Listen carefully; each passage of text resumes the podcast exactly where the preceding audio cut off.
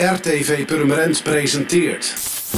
Leuk dat je luistert naar deze nieuwe aflevering van de Purmerendse podcast.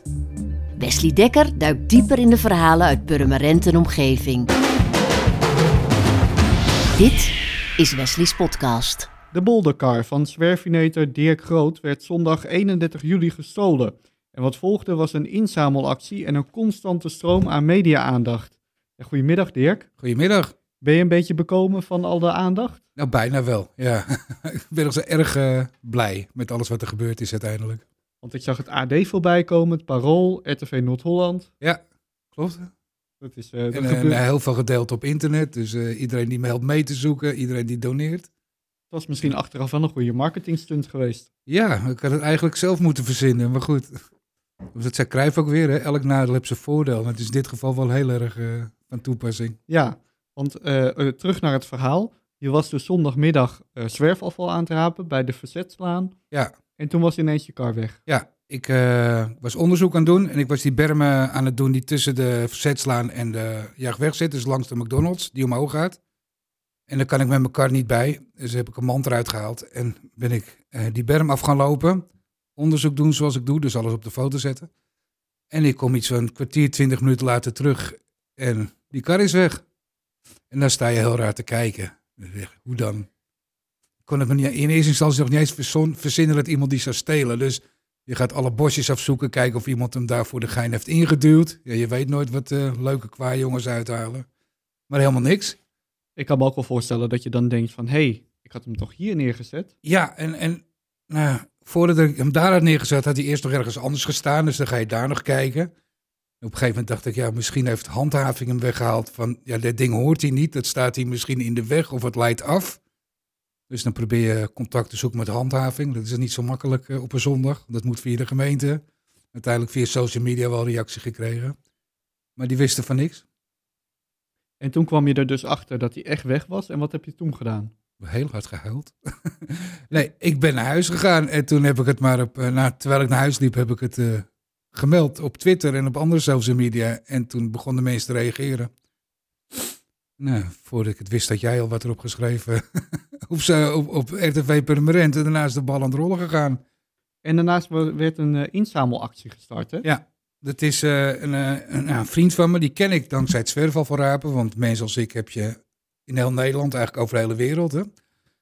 En die had gewoon bedacht, gewoon een spontane actie. Joh, ik ga voor Dirk een nieuwe kar regelen. Ik start een, een inzamelactie op doneren.nl of zoiets. Met, eh, ik, wil, ik, ik zoek 133 euro voor een nieuwe bolderkar voor ja, de was Ja, ja. Nou, En dat was eigenlijk eh, binnen één of twee uur was dat gestreefd bedrag gehaald. En toen dachten we, nou dat is mooi. Maar de teller bleef maar doorlopen en hij staat nu al boven de 1400 euro. Ja, wat moet je met dat bedrag gaan doen, joh? Nou, daar ga ik vreselijk van uit eten. En, nee. nou goed, ik heb net even gekeken. Ik heb al 260 euro aan eh, overige kosten. Nieuwe pasjes, nieuw rijbewijs, eh, nieuwe manden, nieuwe klemmen, dat Oh, soort want je dingen. rijbewijs en paspoort en zo. Ja, ik had mijn portemonnee en mijn sleutels er ook in zitten. Ik heb ook nieuwe sloten gekocht. Nieuwe sleutels dan ook. Eh want anders raken mijn zakken zo vol. En ik heb dat altijd onder mijn afval liggen.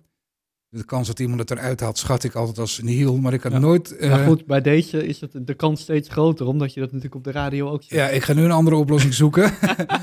maar goed, weet Welke oplossing nee, waar, zit je nu aan te denken? nee, waar je over na... waar je over nadenkt, ze kunnen die dingen eruit stelen. Je denkt er niet over na dat ze die hele kar gaan stelen. Maar dat heeft iemand toch wel bedacht. Maar goed, ik eh, zal in het vervolg andere oplossingen doen. Ik heb eigenlijk mijn portemonnee ook niet eens meer nodig. Dat zit allemaal in mijn telefoon. En eh, dat is een ouderwets gedoe natuurlijk, een portemonnee. Een sleutel, eh, ik hoef ook niet zoveel sleutels mee te nemen. Dus dat eh, hou ik toch maar op mijn lichaam in het vervolg. Want zo'n kar, hoe duur kost dat eigenlijk? Eh, deze was 133 euro. Staat er nu voor in de aan- aanbieding, geloof ik. Dat is echt een hele goede een metalen met grote luchtbanden. Waar heel veel in kan, die heel veel kan dragen. En voorheen werkte ik ook wel met invouwbare klapkarretjes. Maar die zijn gewoon minder goed. Ik heb er nog wel één. En die gebruik ik nu, want ik moet door het land onderzoek doen nu. Die kan mooi mee in de auto en in de trein. Maar goed, ik, het liefste werk ik eh, gewoon met die, die echte goede Zwevenetermobiel. Dus je hebt dan ongeveer eh, nou, eh, die 133 euro dan van die eh, nog die overige kosten. En dan blijft er echt een behoorlijk bedrag over. Ja, ja. Nou, het komt heel mooi uit. Ik ben druk bezig met het opzetten van een stichting. En we hebben al een, ik heb al een bestuur, ik heb al de statuten. Moet alleen nu nog naar de notaris, dat kost geld. En dan moet je nog bankrekeningen en zo opstarten. Daar heb ik allemaal geld voor nodig. Dus daar ga ik het aan besteden. En wat ik overhoud komt op berekening van die stichting. En wat ik met die stichting wil gaan doen, is dat zwerfafvalonderzoek wat ik doe. Dus het verzamelen over zwerfafval en daarmee het probleemgericht aanpakken. Wat in Purmerend al goed werkt. Om dat het gewoon verder uit te breiden. Ook te zorgen dat meer mensen dat kunnen gaan doen, dat het professioneler wordt. En nog meer data verzamelen om de politiek ook de goede kant op te sturen. Want dat is wel de kritiek, namelijk dat er wel heel veel mensen zijn die zwerfafval rapen. Maar er weinig mensen zijn die echt die gegevens uh, controleerbaar ergens neerzetten. Uh, ja, nou, dat is de reden waarom ik iets van zes, zes, zeven jaar geleden ben begonnen. Omdat ik zag dat die onderzoeken die er waren, uh, die gaven niet weer wat ik zag. Dat is een nette manier van zeggen. Ik vond ze gewoon waardeloos eigenlijk. Als echte permanente zeg ik het maar plat. Nee, en um, dus ik ben zelf onderzoek gaan doen door het allemaal minutieus vast te leggen en te laten zien waar het ligt, wat het is, et cetera. En daar ga ik nu niet over uitweiden, het wordt te lang. Uh, maar goed, dat, die data die ik heb verzameld heeft als uh, successen opgeleverd. Permanent uh, is het gelukt om aan de hand van data samen met bedrijven en inwoners zwerfafval te halveren sinds 2018. De hoeveelheid dan. En niet alles door midden knippen, dat is wat anders. nee, goed. En mijn data heeft invloed gehad op het proces waardoor er nu um, zit op plastic flesjes en er komt op blikjes. Er zijn verpakkingen veranderd door mijn data. En dat is dan. Uh, we willen vooral zorgen dat er minder plastic in het milieu komt, waar het liefst helemaal geen. En daar kan je natuurlijk van alles aan doen door mensen uh, beter op te voeden. En dat is heel moeilijk. Je kan ook zorgen dat er gewoon geen of veel minder plastic meer in onze verpakkingen zit die op straat komt. En wat je nu ziet is dat heel veel bedrijven zijn druk bezig met plastic verminderen. En het zijn allemaal de soorten plastic die niet op straat komen, die ze verminderen. Als voorbeeld, een heel bekende is de komkommer. Er zit vaak een plastic omheen. Ja, ik vind het zelf niet nodig en onzin. Er zijn ook mensen die zijn hartstikke voor. Alleen als zweefveneter kom ik die op straat niet tegen. Want er zijn niet zoveel mensen die eh, op straat komkommer eh, opeten. Dat blijft allemaal in de keuken. Is een ander probleem. Dat is het plastic verwerkingsprobleem. En ik wil gewoon aangeven, zoals bijvoorbeeld een Albert Heijn of een Jumbo, die vervangen plastic. En ze doen het eh, vaak echt op stomme manieren.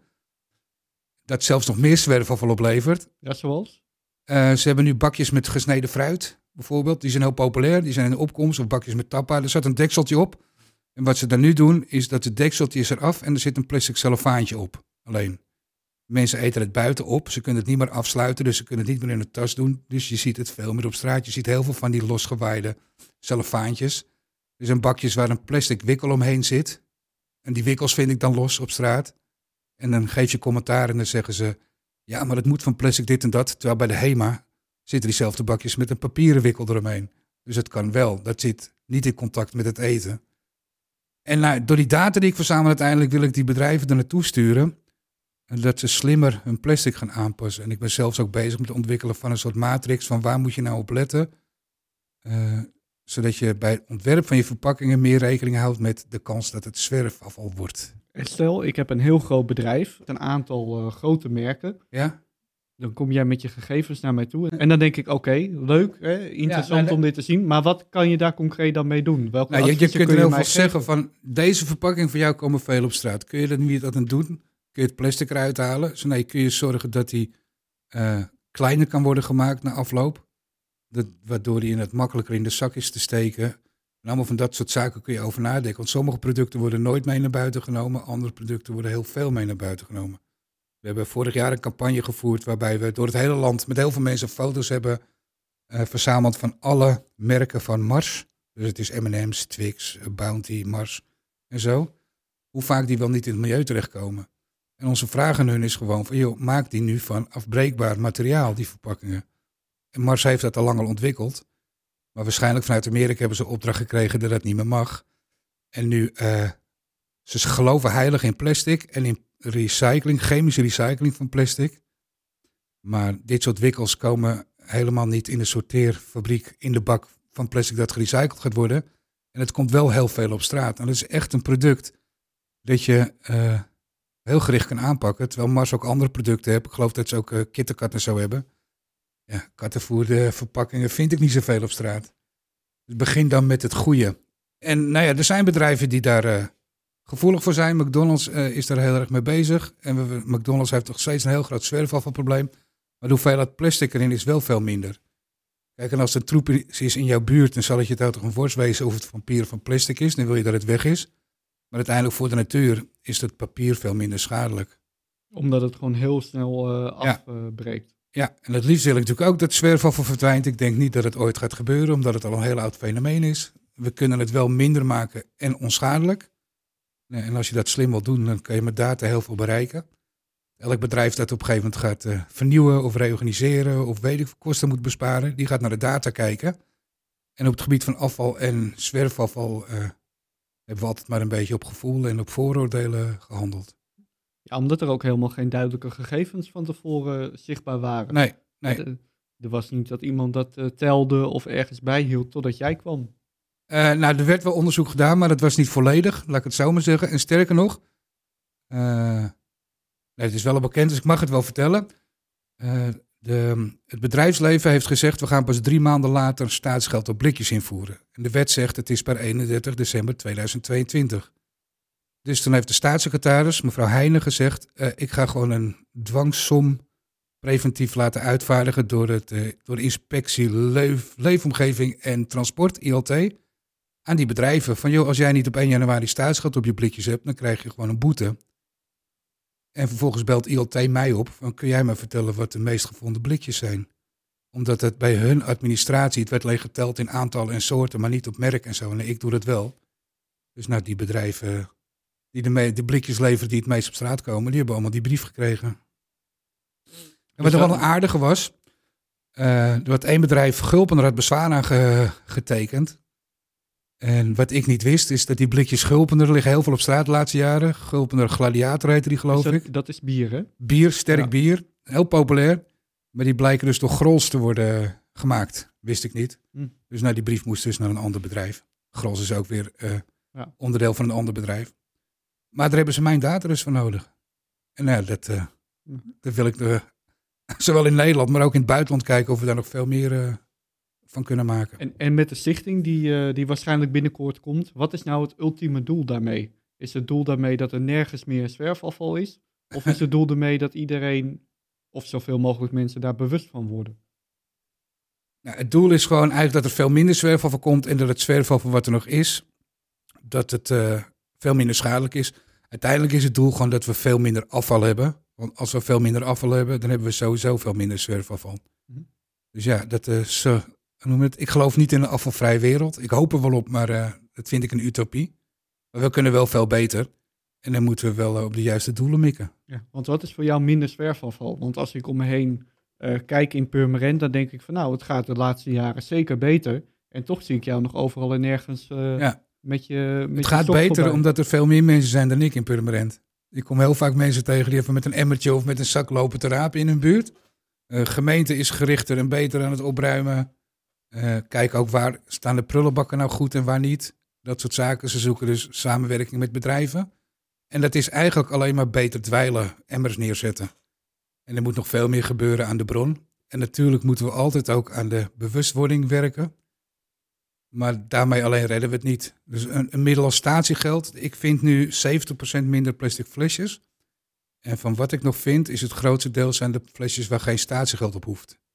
Maar dat geeft wel aan dat het eh, werkt. En dan denk je wel, ja, het is toch eigenlijk zou het niet nodig moeten zijn, want ik gooi nooit iets weg. Maar dat klopt. Je kan een vergelijking trekken bijvoorbeeld met verkeersdrempels. Je kan zeggen, ja, mensen moeten gewoon niet te hard rijden in een woonwijk. Dat hebben we heel lang geroepen met allemaal borden. En op een gegeven moment zijn we verkeersdrempels gaan neerzetten. Ja, iedereen heeft een hekel aan die dingen. Behalve mijn kinderen toen ze klein waren. Die vonden ze leuk op de fiets. maar het werkt wel. Net als met veiligheidsgordels. Hè. Dat is op een gegeven moment ook verplicht gemaakt. Het is niet zo dat je daardoor minder ongelukken hebt. Maar die ongelukken zijn wel veel minder... eh, noem het? Hebben veel minder schade tot berokkering. En dat soort maatregelen, het dempen, de schade verminderen, de gevolgen verminderen...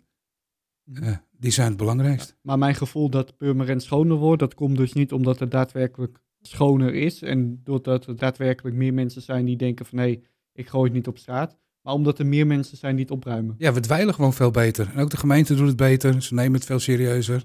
Nou, dat werkt uiteindelijk wel. Maar je moet bezig blijven. Dat is, als je een lekkage in je huis hebt en je zet grotere emmers neer of extra dweilen, dan hou je je pakket wel droog. Je blijft wel bezig. Je moet ook op zoek naar een loodgieter die eh, leidingen kan maken. Zo simpel is dat. Je hebt eigenlijk elk jaar wel een doel. Eh, dat had je eerst met die Mars-wikkels, eh toen Ja. met vuurwerkverpakkingen. Is er nog een doel op komst? Ja, nou we hebben sowieso, we hebben net in juni een project afgerond waarbij we door het hele land door mensen wegwerpbekers op de foto hebben laten zetten. Want er komen maatregelen aan tegen bekers eh, die wij eh, nogal wat eh, beperkt vinden. We denken dat ze niet gaan werken. En daar hebben we ook niet? Nou, je moet bijvoorbeeld 10 cent extra betalen voor je koffie onderweg als het in een wegwerpbeker is, of 25 cent. Dus een, zo'n koffie kost al 2,50 euro. Dus gaat de mensen niet weerhouden om alsnog die beker te kopen. En als je dan je koffie op hebt, dan is die beker niks waard. Het is niet veranderd. Met statiegeld is je flesje na afloop iets waard. Dus eh, dan zie ik niet waarom de mensen niet alsnog verkeerd gaan weggooien.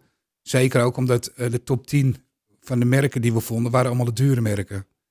En bovendien zijn er. eh, nou, ja, zit eigenlijk gewoon, ze willen ook de kosten van het opruimen willen ze gaan doorbelasten aan de fabrikanten en aan de, distributeurs en zo. Maar als je die kosten om gaat rekenen per beker, is dat minder dan een cent. Dus daar gaan die bedrijven ook niet voor worden tegengehouden. De bedre- maatregelen richten zich ook heel erg op de bekers op kantoren. Nou, hartstikke goed als ze daar veel minder wegwerpbekers gaan gebruiken. Daar ben ik helemaal voor. Maar de bekers die op kantoor worden gebruikt, vind ik eigenlijk niet op straat. Nee, ik wou wel zeggen, als ik bij het koffieapparaat ben, dan denk ik niet van, goh, laat ik eens even over de hele verzetslaan gaan lopen met mijn bekertje. Nee, nou goed, soms vind je rond bedrijven wel of als mensen mee naar buiten nemen. Maar veel minder, toch? Ja, dus die, die, die maatregelen, die hebben wel hun voordelen, maar die werken niet tegen zwerfafval. Nou, dat hebben we op die manier laten zien. Dat is ook weer door de politiek opgepakt. En wat ik nu aan het doen ben, samen met Marijn Tinga weer, de plastic soepsurfer, eh, dat we eigenlijk de kern van het probleem in beeld willen brengen. Dus dat we te veel afval hebben. Wat we nu aan mensen hebben gevraagd is, als je een overvolle prullenbak ziet, neem daar een foto van met onze app, de Plastic Avengers app. Die kun je gratis downloaden. Je hoeft alleen maar een foto te nemen en wij doen de rest. En dan, we hebben nu iets van 1100, eh, in korte tijd 1100 overvolle prullenbakken op de foto. En als ik die foto zie, dan word ik zelf al geïmponeerd. Want nou, sowieso willen we aangeven gewoon dat we veel te veel afval hebben. Volle prullenbakken zijn ook weer een bron van zwerfafval. Is eigenlijk ons eerste echte bewustwordingsproject. En wat er nog aankomt, waar, we waar ik naartoe ga sturen. Als je heel netjes bent en je gooit het in een openbare prullenbak, gooi het eigenlijk gewoon in het vuur. Dat, wordt niet gescheiden, het is niks circulairs aan, gaat allemaal zo rechts, wordt niet nagescheiden. Dat gaat allemaal gewoon naar de verbrandingsoven. Dus zelfs als jij netjes opgevoed, je doet hartstikke goed je best, je gooit je beker of je flesje, of nee, flesje natuurlijk niet. Je wikkel je hamburgerdoos in die eh, prullenbak hier op de Verzetlaan of de Wilhelminalaan. En dan gooi je het eigenlijk gewoon in het vuur. En, dat, eh, en uiteindelijk is het dan gewoon de kunst om afval te verminderen. Dat kun je als individu proberen. Nou, dat kan, het kost wel veel moeite. Maar het is veel effectiever als het bedrijfsleven daar stappen in zet. En dat gaat de komende tijd veel meer gebeuren, ook eh, met de stichting. Ja, ja, met stichtingen, ja, dat soort dingen ook inderdaad. En ik denk dat de volgende campagne zich gaat richten op de drankkartons en zo. Want wat ik nu ook zie, eh, plastic flesjes zit staatsgeld op. Er zijn bedrijven die willen daar niet in mee. En bijvoorbeeld Earthwater, maar sinds kort ook Riedel. Riedel heeft appelsientje en goudappeltje en zo. Eh, die stoppen met plastic flesjes en die gaan helemaal over op die drankkartons van een halve liter. De zuivel zit er al vaak in, bij de Vivit en zo. Dus dan komen ze onder het staatsgeldverhaal uit. Ik, eh, een week nadat ze ge- gepresenteerd waren in de media, vond ik ze al op straat. Gisteren vond ik er nog één. Wat krijg je dan? Weer net zoveel zwerfafval. Je hebt een verpakking die nog veel slechter te recyclen is dan plastic flesjes. Plastic flesjes zijn goed te recyclen trouwens. Dus ja, dat soort dataverzamelingen wil ik gewoon de politiek nog veel meer opjutten om te zeggen van joh, we gaan gewoon staatsgeld doen op alle drankverpakkingen. Ik wens je veel succes. Nou, dankjewel. Oké, mag ik nog even iedereen die, die zo gul heeft gegeven, nogmaals Uiteraard. bedanken voor die eh, spontane bijdrage. En ik zag in de reacties al van dat het ook vooral was ter steun voor al het werk wat ik doe. Nou, ik doe het met liefde en ik ben blij dat ik zoveel mensen daar ook weer blij mee maak. Dankjewel hè. Volgende keer weer een nieuw onderwerp in de podcast van Purmerend en omgeving. Een fijne dag.